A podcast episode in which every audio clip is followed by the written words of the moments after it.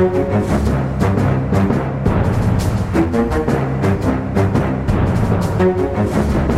er vi i gang med en Aftenpodden USA-variant her. Det er eh, tirsdag igjen, og eh, i ellers, hva skal man kalle det, smått mørke tider, så har vi i vårt lille, univers en eh, gledelig nyhet. Fordi nå er vi ikke lenger i studio sammen, Øystein. Nå sitter du på plass i USA i, i levende live og snakke med oss på telefon. God dag, god dag.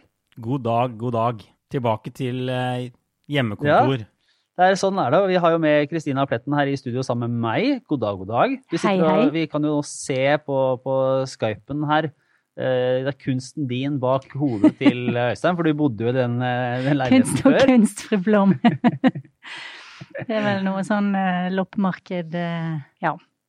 Ja, Skal vi kalle det malerier. Ja, vi må ta litt grep her nå. Du kan, du kan ta grep, Øystein. Ja. Det er greit. ja, nei, vi, skal jo se, vi tenkte egentlig å se videre på, på en debatt som har dukka opp i USA nå om, om, og Jeg vet ikke helt hva vi skal oversette det med, egentlig, men de kaller det altså defund the police. Altså en slags eh, å, å, kutte av pengestrømmen til politiet, og det legges litt forskjellige ting i det.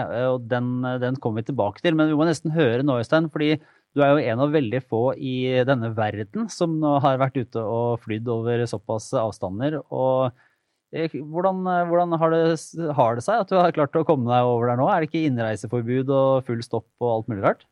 Jo, det er innreiseforbud og full stopp, og det har vært litt styr. Jeg har brukt noen uker på å få et sånt unntak eh, fra innreiseforbudet, som jo gjelder alle Schengen-land og Storbritannia og Irland og, og Kina og flere andre land. Men vi fikk et unntak fordi jeg er akkreditert til FN. Ehm, og det er en av unntakene på Trumps liste. Eh, de som er tilknytta FN på en eller annen måte, kan komme inn. Eh, men det var ikke enkelt. Og det var mange som også ble avvist. Det var en del på Gardermoen som ikke kom dit de, de hadde tenkt da de var på innsjekking. Og vi mellomlanda i Frankfurt. Og der var det en del folk ved gaten som rett og slett bare fikk beskjed om at du må, du må komme deg hjem igjen. Det, det er ikke sjanse til å komme inn i USA. Det var en fyr fra det amerikanske konsulatet der, faktisk som heldigvis hadde oss på lista si, da. Så det funka jo. Hæ. Men det, eh, var det sånn eh, det, ja, Var det noen som reiste? Det er vel det er ikke mange som driver transatlantiske flyvninger eh, for tida? Det, det, er det, er ikke mange som driver flyvninger noe sted. På Gardermoen så har de sånne skjermer. Og nå, nå altså, alle flyvningene den dagen vi dro på lørdag, var jo ikke nok til å fylle opp én sånn skjerm engang. Altså si at det var 15 linjer da med fly. Um, og dette, vi, I Frankfurt så, så, gikk det jo da Lufthansa De har jo sånt stort jeg tror det er 250 seters fly. Eh, og hun eh, purseren på flyet fortalte at det var bare 28 passasjerer om bord. Så deilig. For en drøm. Så på mange måter så er det jo sånn komforten på internasjonal luftfart burde alltid vært. Hun gikk rundt og snakka med alle i liksom flere minutter. Spurte hvordan det gikk. Jeg kan drømme at det var sånn 60-talls flyvningsgreie der, eh, der det var som å være på hotell, mer eller mindre. Ja, ja. Var det sånn Da fikk man, fikk man sitte foran i, på første klasse og serverte og kjørte på, eller var de strenge på at, at det fortsatt var et, et, tydelig klasseskille mellom eh, de som har betalt mer eller mindre? Nei, det var et tydelig klasseskille. Og Lufthansa har en haug med klasser òg. Så det var, eh, det var, eh, veldig mange tomme business-seter foran. Så det var litt bittert.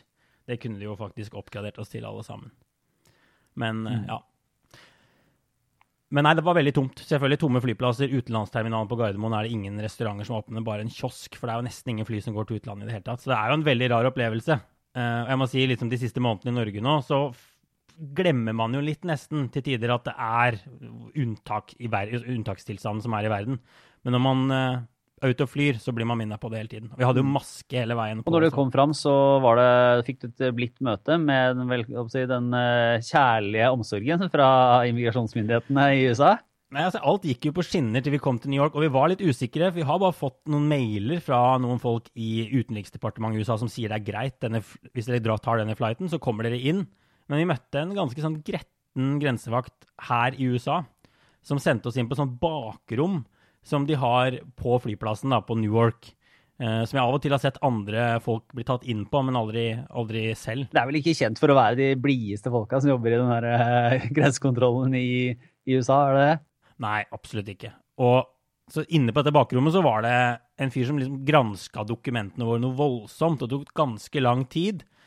Og til slutt så ble vi kalt fram, og han dra, rakk å dra en slags vits om noen kjønnsoperasjoner. fordi jeg sa hi om kona mi, fordi hun skulle komme bort, og så trodde han jeg sa hi om ski. Um, og så sa han at dette var our lucky day. For vi skulle egentlig ikke sluppet inn, sånn han så på det. Men så måtte han slippe oss inn likevel, da, fordi vi var så heldige. Så vi kom oss inn med nød og neppe.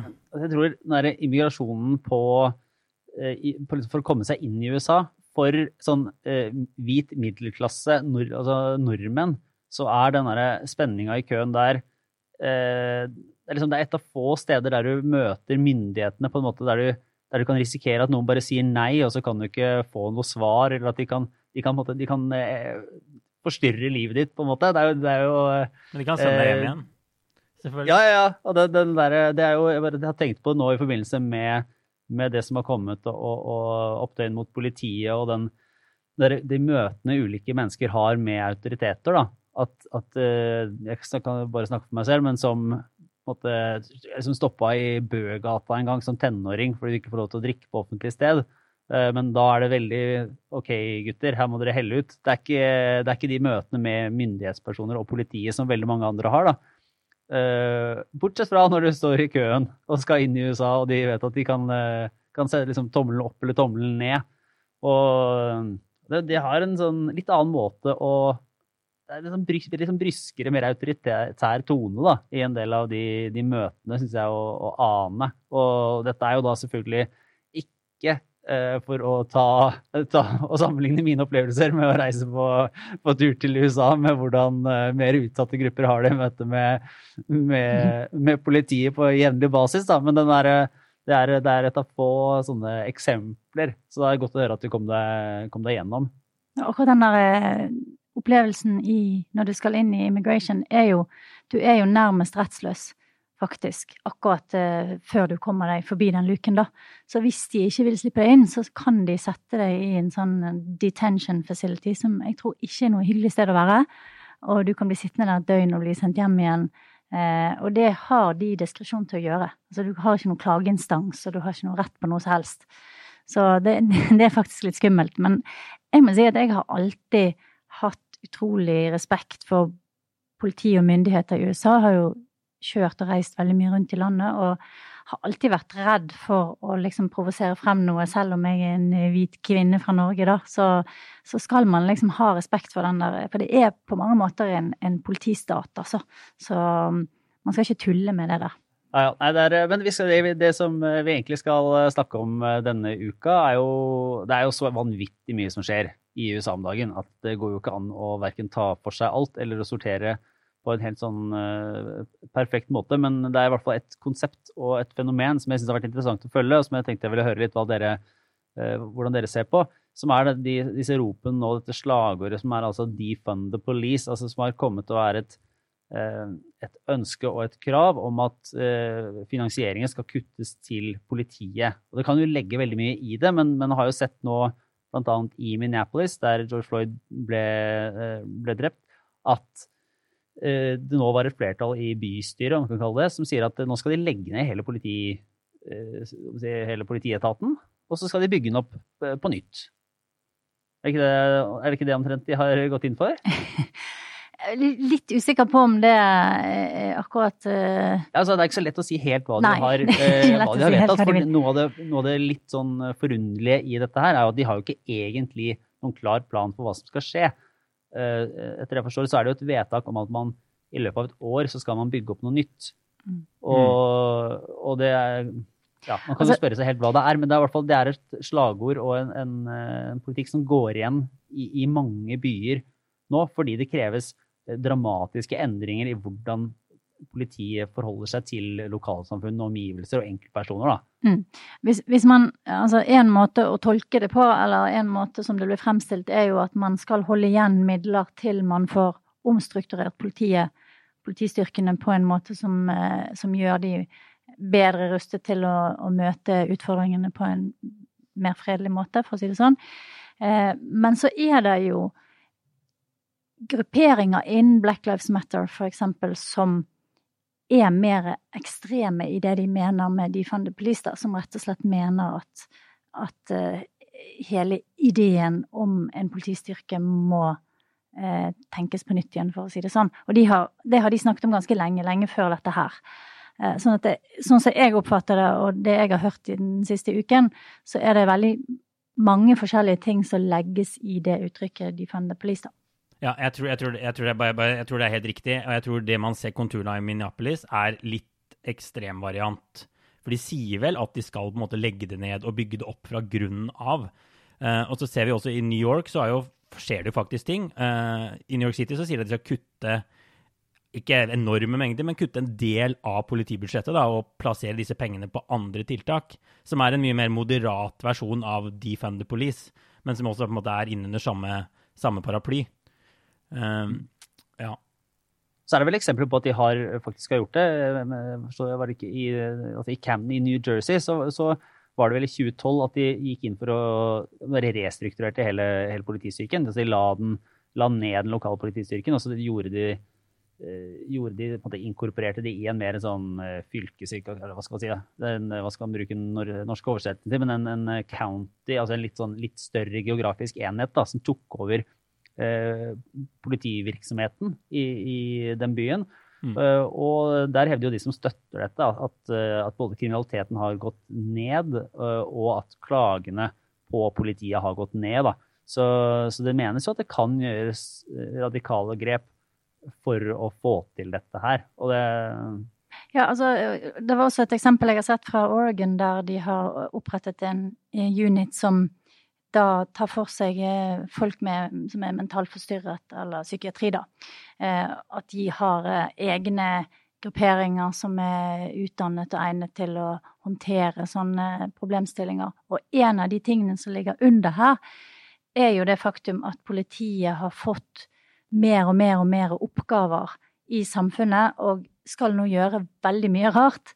Alt fra å kaste folk ut av hjemmene sine fordi at de ikke har klarer å betale lånene sine til psykiatritilfeller, til eh, eh problemer, barnevernsproblematikk osv. osv. osv. Så det er jo et poeng at kanskje en del av de oppgavene som politiet nå har, kunne vært bedre løst av andre typer eh, statlige eller kommunale eh, etater. da.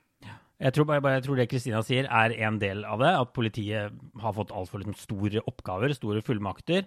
Og så ser man nå grunn, altså, Denne Defund the Police-aksjonen eh, kommer kanskje fordi man har jo forsøkt reformer i en del steder eh, som kanskje ikke har vært så vellykka. Og nettopp Minneapolis har hatt en, en svart politimester i flere år og satte nettopp reform høyt på agendaen.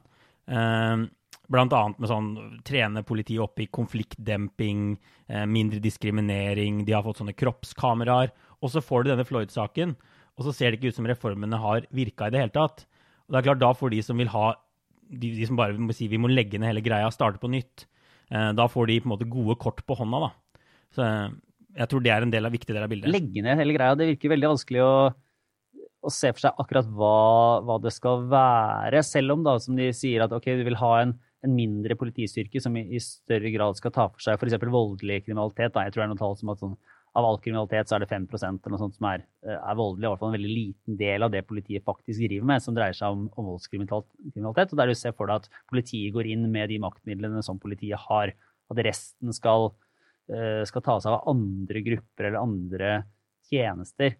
Men det er jo ikke sånn at amerikanerne har rigga systemet sitt for, at, for å ha de sosiale tjenestene nødvendigvis. Det er jo ikke, er jo ikke sånn at det, det, står mange klare for å ta over de oppgavene, eller, eller at det er et system som, som er på gang.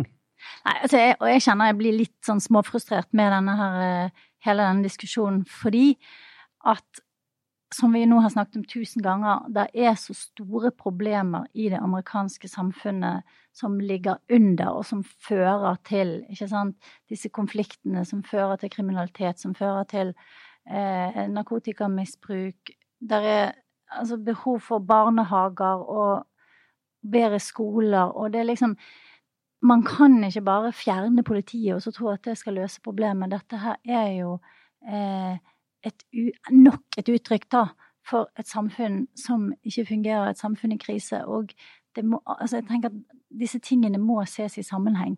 Og kanskje det er en del av det de prøver å gjøre med å si ok, vi, vi, vi skal sette inn andre typer eh, eh kommunalarbeidere, eller hva det nå måtte være. Men, men det, det, er jo noe sånn fundamentalt galt da med den tankegangen som som skal på en måte løse disse problemene med en hashtag som ble diskutert en uke. Altså, jeg, jeg kjenner at det egentlig er Hele diskusjonen er litt frustrerende, fordi at det er så feil, eh, feil resept på, et, på en kjempestor sykdom. Mm. Det er jo spennende å se om, ja, om det her faktisk eh, det, altså det at det er et eh, Foreløpig så er det en veldig sånn stor sekkebetegnelse. Og som det er litt vanskelig å forstå. Den høres jo ekstremt radikalt ut. Så hvis man skal gå inn i hva, hva den sånn politiske betydningen av dette, så, så, er det jo ganske stor strekk på demokratisk side på hvordan en skal tolke dette her også. Altså Joe Biden var vel ute med en talsperson og sa at han ikke støttet måtte, et, at, uh, kutt for politiet på den måten, men ville ha en form for restrukturering. Det, det ligger jo alt mulig rart inni der. da.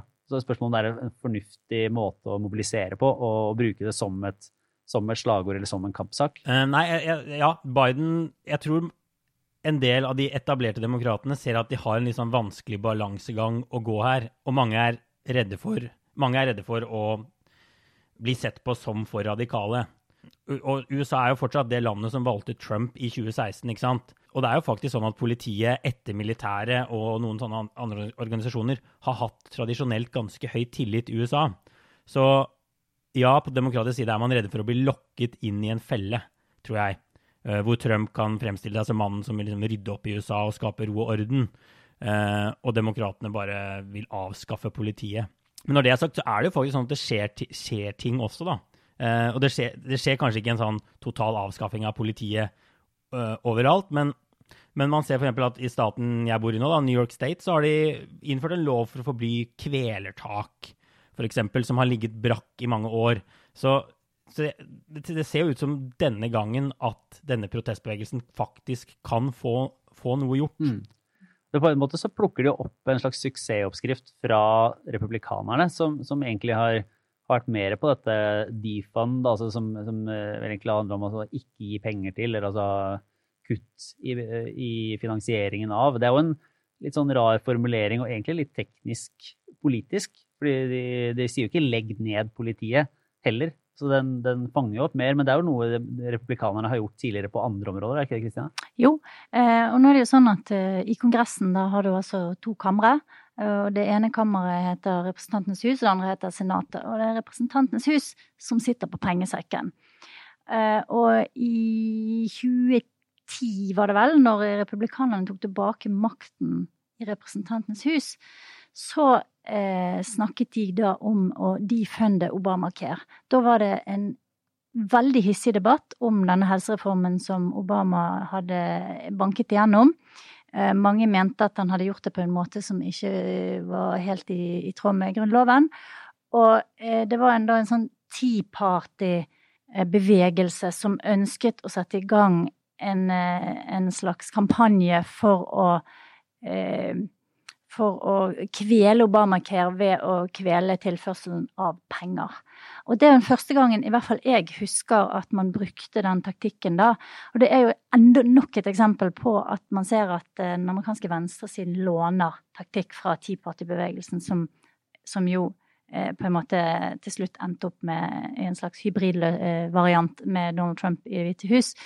Eh, og så fikk man seinere en reprise der de snakket om å defunde Planned Parenthood, som er en organisasjon som bl.a. tilbyr abort og eh, helsetjenester til kvinner som ikke har råd å betale selv. Um, og det var vel også, hadde de vel også en, en, viss suksess med, kanskje mer suksess med enn å defunde Obamacare, um, der de fikk fjernet ganske mye offentlig støtte til Planned Parenthood, sånn at det ble mye vanskeligere å få tilgang til f.eks. aborter. Men det, kan, kan, da demokratene, som jo nå har flertall i Representantenes hus, faktisk si at eh, staten ikke skal bruke like mye penger på politiet? Er, er det noe som kan bli, eh, bli, en, bli en konflikt med rene penger, som er eh, Altså, nå går jo det, det går jo gjennom delstat og by og sånne ting, så det er jo et litt sånn komplisert spørsmål det der òg. De har jo noe politi som er eh, delstatspolitiet, ikke sant, blant annet de som patruljerer veiene. Og så har de jo Metropolitan Police, som er vel eh, betalt gjennom kommunale, hvis man kan kalle det det, budsjetter.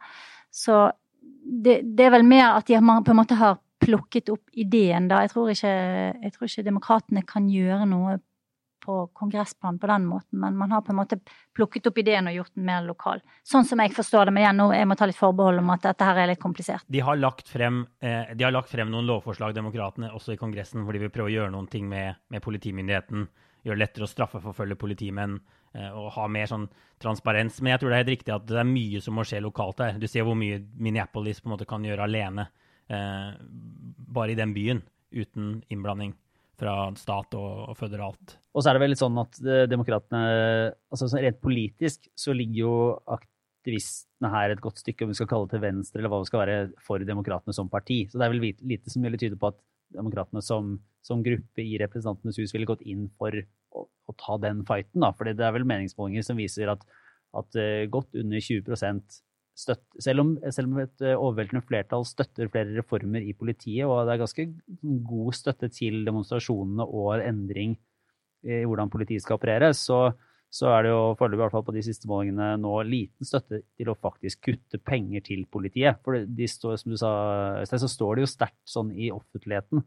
Og det gjelder jo på en måte på tvers av miljøer, i hvert fall at, at, eh, at det er et ønske om et om et politi som opererer fordi at det jo er frykt for kriminalitet. Og, og selv om politiet kanskje ikke har, har voldsom tillit, så, så, er det jo en, en usikkerhet i en, enkelte strøk og, og, miljøer som gjør at man vil ha en form for orden. Da. Og det, mm. Der må man jo ha ganske klare politiske løsninger for at, skal, for at folk skal gå med på at, uh, at politiet skal bli borte. Altså hvis det er valget om å ha noen å ringe hvis noen bryter seg inn i huset ditt, eller ikke ha noen å ringe, så antar jeg at eh, det fortsatt er sånn at folk vil ta den telefonen. Og her kommer vi, altså her, her kommer vi tilbake igjen til det vi snakket om sist uke, om Karens. Altså disse her hvite middelklasse, middelaldrende kvinnene som etter hvert er veldig viktige for demokratene. Eh, og de vil vel gjerne, en del av de gjerne være eh, Gjerne kjøre med sånn Black Lives Matters-sticker på bilen sin og alt sånt, men når det kommer til stykket, så vil de jo også ha politi, og de er engstelige for kriminalitet, og de bor i forstedene og har gjerne store hus osv. Så, videre, og så, så eh, jeg tror at dette her er en innmari vanskelig sak for demokratene, og egentlig en litt sånn skjult gavepakke til Donald Trump. For nå kan han få oppmerksomheten vekk fra sine koronafadeser, og han kan eh, sitte og skrike på Twitter om law and order, som jo det han gjør nå, konstant. Sånn at eh, jeg tenker at for Biden og for liksom hele den moderate delen av, av, eh, av demokratiske partiet, så er dette egentlig et lite mareritt nå. Ja, er, kanskje. Altså, jeg er, litt, jeg er litt, usikker. Uh, man skulle tro det, og mange trekker linjer, altså, trekker linjer tilbake til 1968, da Richard Nixon ble president på en sånn valgkamp etter masse flere, flere, flere drap på, på president, blant annet. Eh, da han gikk til valg på å gjenopprette lov og orden, og hadde ganske stor suksess med det. Og de mener at Trump prøver å kopiere det uh, nå, og at det kan fungere. Og så er det noen problemer med det. ikke sant? Trump er sittende president. Det var ikke Richard Nixon. Uh, han kan på en måte få litt skyld, skyld for det her òg. Og så ser det ut som landet er et litt annet sted. Uh, jeg bare ser flere meningsmålinger viser at mange flere amerikanere for eksempel, nå mener at politiet diskriminerer svarte enn for bare få år siden. Eh, at det har skjedd veldig store endringer der. Så det er ikke sikkert Nå er jo også protestene mye roligere. Det har ikke knapt vært arrestert folk her i New York på flere dager. Så det er ikke sikkert Trump treffer nerven helt med den ekstreme sånn law and order-stilen. Per nå så ser det jo ikke helt sånn ut, egentlig. Nei, jeg, det, jeg er egentlig enig i det, men, men jeg, det jeg tror blir problemet for demokratene, er at det blir vanskelig å formulere et tydelig budskap. Mm. Det blir vanskeligere Eh, når, når, de skal eh, stå i den spagaten, da. Som de, som de, jo egentlig har stått i lenge. Men eh, altså, så, så det, det, det, er en mulighet, fordi at det motiverer veldig mange, og det er et voldsomt engasjement. Men det er også en kjempestor fallgruppe der, fordi at um, det budskapet om å defunde politiet er ullent, det er uklart. Folk skjønner ikke helt hvordan det skal gå for seg, og det det har heller liksom ingen eh, sånn tydelig politisk linje, i hvert fall sånn som jeg ser det. Ja. Jeg tror eh, vi går over til Jeg har en tematisk, eh, obligatorisk refleksjon her, så jeg kan egentlig bare fortsette på den, og så, så tar vi resten etter hvert. Fordi jeg, i, en eh, videreføring av denne samtalen fra noen som har eh, bedre peil på det enn meg, i hvert fall, så, så er det, det er en amerikansk skribent og debattant, altså Tanahashi Coates, C-O-A-T-E-S. Om jeg klarte å ta dette raskt nok i, i hodet her. Eh, Stav så- fornavnet, da. ja, den er, den er litt mer vrien, dessverre. Eh, Som, eh, som har skrevet både bøker og essays om, om historikk, og han har annet skrevet om sånn, altså, såkalte reparations, da, erstatning for slavetiden, og, og er en veldig interessant tenker. Som, eh, som eh, både skriver og snakker fascinerende. Han var i, i denne podkasten til Ezra Klein denne uka, eller var det forrige, og har en, eh, en veldig god samtale som dreier seg om noe av denne altså Både om politiet, og maktmonopolet og rollen politiet har spilt, og hvordan en potensielt kan se for seg et, et litt sånn annet samfunn og en annen innretning enn den litt tradisjonelle amerikanske der politiet er der for å kontrollere befolkningen, og, og særlig da den svarte befolkningen. eh, Og heller se for seg et, et, et, et ikke-voldsperspektiv i hvordan staten forholder seg til innbyggerne. Så det, var den, det er en veldig, veldig fascinerende samtale som kan anbefales på Ezra Klein-podkasten. Og så må jeg bare gjenta en anbefaling som kanskje er min primære podkastanbefaling for de som er eh, litt interessert i, i politikk og samfunn og god historiefortelling, som, eh, som dreier seg om politiet, og som er en episode av podkasten Reply All. Fra, det er vel fra halvannet år siden, eller noe sånt. Men de har da en dobbeltutgave som heter The Crime Machine. Og den tar for seg hvordan politiet begynte å bruke sånn dataanalyse, og hvordan de så på ja, hvor kriminalitet foregikk. Det, det, var, det dreier seg da om, om, New York City, jeg tror det er en gang på 70-tallet, der de tidligere drev politivirksomheten. var litt sånn Du patruljerte her, og du patruljerte der, og så så du hvis det skjedde noe kriminalitet, så tok du tak i det, eller hvis du ja, Litt sånn på den enkelte politibetjents uh, eget uh, initiativ. Og så var det en da eh, klok, eh, analytisk innstilt eh, fyr som begynte å se på når kriminaliteten skjedde, hva slags kriminalitet, og, og, hva man kunne gjøre. Og dermed så begynte de å plassere politi ut for å håndtere kriminaliteten der den var, ikke jevnt fordelt. Det var jo på mange måter en revolusjonerende måte å tenke på, og gjorde veldig mye for hvor, for hvor trygg New York City var som by. Men i denne podkasten så følger man jo da fra, si, fra den vanskelige forhistorien inn i dette prosjektet og en kjempestor utvikling og forbedring i hvordan det var å bo i, i byen der, fordi det ble tryggere, og inn i den måten å telle på og tellekantens problematikk. da, For man ender opp med et politi som kanskje blir forutinntatt fordi det forutsetter at kriminalitet skjer der det har skjedd før. Man finner ut hvilke personer eller hvilke grupper eller hvem man skal se etter for å fylle sine kvoter for, for å oppnå et mål da, for, for, for, politiet. Så den er, den er kjempe, kjempegod. Og jeg tror den kan treffe litt på, på noen av strukturene som dreier seg om at det ikke nødvendigvis er den enkelte politibetjents holdninger som sådan som skaper problemer, men en institusjon. da. Så den er veldig god. Uh, Reply All, som har The Crime Machine, altså episode 1 og 2. Og så helt på slutten, fordi jeg nå har sittet og tenkt meg inn i det her, så vil jeg bare anbefale Radiolab, som har en episode fra forrige uke som heter George, om en dom fra amerikansk høyesterett som skulle være et viktig merkestein i kampen for å ansvarliggjøre politibetjenter som oppførte seg brutalt eller begikk overgrep. Og så har det ikke gått helt sånn, da, i, i hvordan den brukes. Så den kan også høres hvis man vil få med seg mer av dette her. Så en liten pakke der for de som har litt tid til å traske rundt og høre. Skal, da skal jeg gjøre det veldig mye kortere, Lars. For det er ikke så mye tid igjen etter man har brukt ti timer på å høre gjennom alle podkastene til Lars. Så vi, er, vi, har fem minutter hver. Det er nemlig noe som, som heter TikTok. Som ja, ja, ja. kanskje dere ungdommer kjenner til. Um, og der er det en dame som heter Sarah Cooper, som er komiker, som egentlig ikke har vært noen særlig vellykket komiker helt frem til nå. Uh, og det hun har begynt å gjøre på TikTok, og som også du finner på Twitter og Facebook, det er at hun har begynt å lage sånne små videoer der hun um, bruker Trump sin stemme, og så står hun og snakker og, og på en måte um, act out det han sier, da. Uh, og det er kjempevittig, og har blitt enormt populær og har blitt på en måte, Hun har blitt på en måte koronastjernen, da.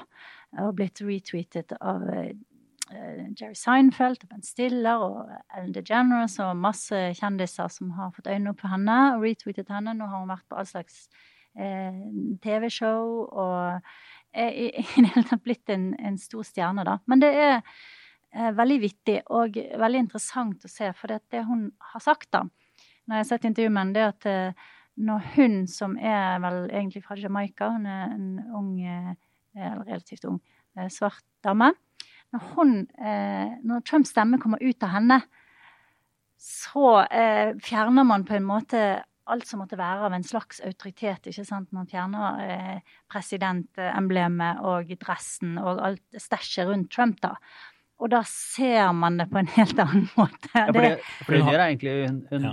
bare sier hans, altså sier det Trump sier. Det ja, hun, hun, mimer etter, etter ja. han, da. Det er et veldig enkelt konsept. Eh, og så plukker hun ut egentlig. Det er et ja. kjempeenkelt konsept, men hun gjør det så utrolig bra. Og det, det som virkelig var, var liksom eh, breakthrough hennes, var jo når hun eh, tok denne her biten der han snakker om eh, at du kan ta et sånt ultrarødt lys inn i kroppen og ja, injisere deg med ja, ja, at du kan eventuelt blekemiddel eller hva det er, klorin, og injisere det og diverse. Ja. Så jeg bare anbefaler alle om å følge henne og, og, og, se de videoene som ligger ute. Det er veldig viktig. Det tar veldig mye kortere tid enn uh, podkasten til Lars. Fire podkaster eh, og hun heter altså Sarah, Sarah uh, S-A-R-A-H, altså Cooper CPR på Twitter. At Sarah CPR.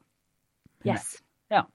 Bra. Hvordan er det med deg, Øystein? Har du noe som tar uh, timer av folks liv, eller uh, bare minutter? Dager fort vekk, egentlig. Men jeg, jeg har lada opp til min gjen, store hjemkomst med, med, serien Unbreakable Kimmy Schmidt. Som jeg først har sett én gang for en stund siden, og nå har jeg sett hele greia på nytt. Uh, og som er en sånn Det er en, nesten en slags kjærlighetserklæring til New York, hele denne serien. Det er en komiserie. Um, som handler rett og slett hun Kimmy Schmidt er en av fire sånne det de kaller mole women, som altså har bodd i en bunker som muldvarper. De har blitt kidnappet av en gal prest, og så slipper de ut helt i starten av første episode. Eh, og Kimmy Schmidt bestemmer seg for å dra til New York, selvfølgelig, verdens beste by.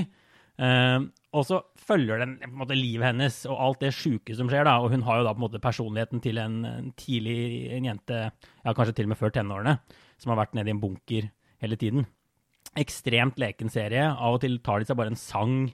De lager liksom noen musical-numre. Eh, eh, det er veldig mange New York-referanser som jeg ikke tar, selv etter å ha sett den to ganger.